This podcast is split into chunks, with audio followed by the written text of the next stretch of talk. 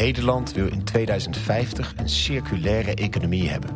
Maar wat is dat nou, die circulaire economie? En hoe komen we daar?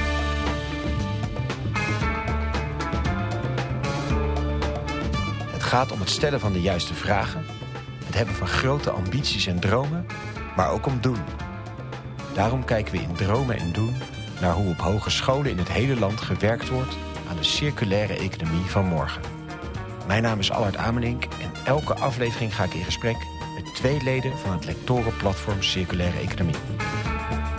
Wat we nu zien, dat is dat banken eigenlijk dat circulaire businessmodel best wel goed aan het begrijpen zijn. Steeds beter in ieder geval. En ook best wel welwillend zijn. Maar dan past het gewoon nog niet zo goed in dat oude toezichtssysteem. We hebben onderzoek gedaan naar eh, kleurstoffen uit eh, bijvoorbeeld bloemen of andere eh, plantaardige kleurstoffen. In plaats van chemische kleurstoffen, bijvoorbeeld tomatenstengels of, andere vezelrijke producten die voorhanden zijn hier zeg maar in deze regio. Dat je daarbij textiel kan maken. Dat er weer kleurt op een natuurlijke manier met natuurlijke kleurstoffen.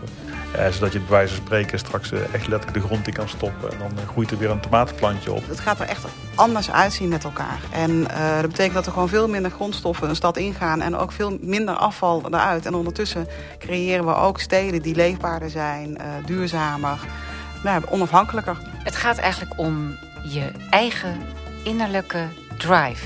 Wat voor samenleving wil je echt in leven? En dat betekent dat je ook mag dromen.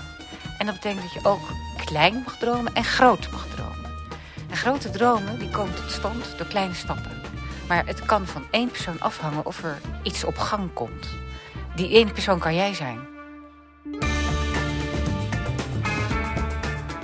Je vindt Dromen en Doen in je podcast-app of op www.hetgroenebrein.nl slash programma's slash lectorenplatform CE.